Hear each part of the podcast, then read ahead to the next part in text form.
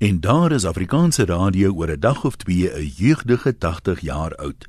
Ver ander kant aftree ouderdom, maar dit gaan nog te blikkies om eers te dink aan terugsit en ontspan. RSG is los aan die stasie met die opvaardigste luisteraars. En 'n oomie het selfs 'n brief in die koerant geskryf om daarop te wys dat dit nie RSG is wat verjaar nie. Hy's reg, maar om te sê RSG mag nie die verjaarsdag vier nie omdat die verskil tussen die huidige stasie en sy voorgangers te groot is, is daarom ook nie reg nie. Dis soos om te sê 'n skool kan nie sy 100ste bestaanjaar vier nie omdat hulle intussen na 'n moderne gebou getrek het en nie meer volksspele aanbied nie.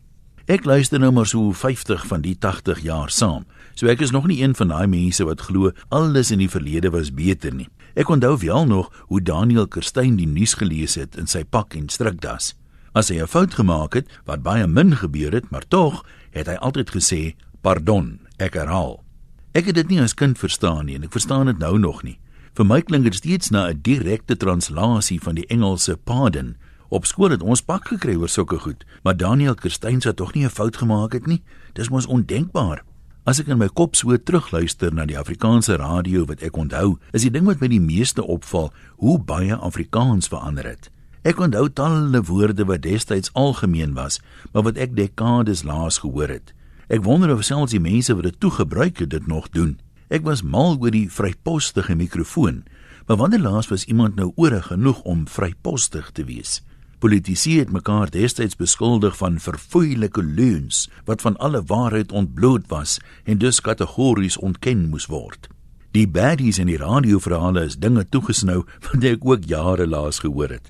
Hulle was lieplappers, swerkaters, veragtelike skurke, booswigte en rampokkers en die goeie ouens het korte mette van hulle gemaak met net een opstopper. Dan was hulle so hard gemoker dat ouma hulle vir 'n eendvoël sou aansien. Oor lamse kinders is deur ouer mense klein japsnoete genoem wat nie mocht tande tel in groot mense se geselskap nie. Arrie, nee, hulle moes liewer gaan huiswerk doen, maar daar is ook nog nie so baie dat hulle blou kouse raak nie. In sport was omtrent elke denkbare span boere van die wynboere en die koringboere af tot by die volstruisboere en die mielieboere. Die wenner en die verloorder met die kous oor die kop huis toe gestuur. 'n Rugbybal is gereeld 'n eier genoem, waarmee 'n vleuel aan suiker doelyn toe terwyl sy kuitspiere konsertina speel.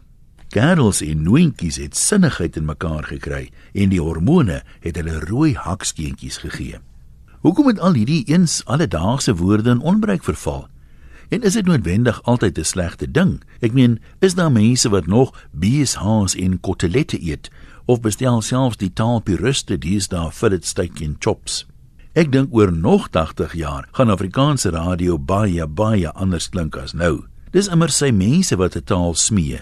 En wat is 'n radiostasie anders as 'n bymekaar komplek van mense in die vorm van omroepers en luisteraars? O ja, en wie onthou nog hoe Van is altyd spottend van luisteraars gepraat as luisteraars. Mm. Groete van draadloos tot draadloos. Antoniem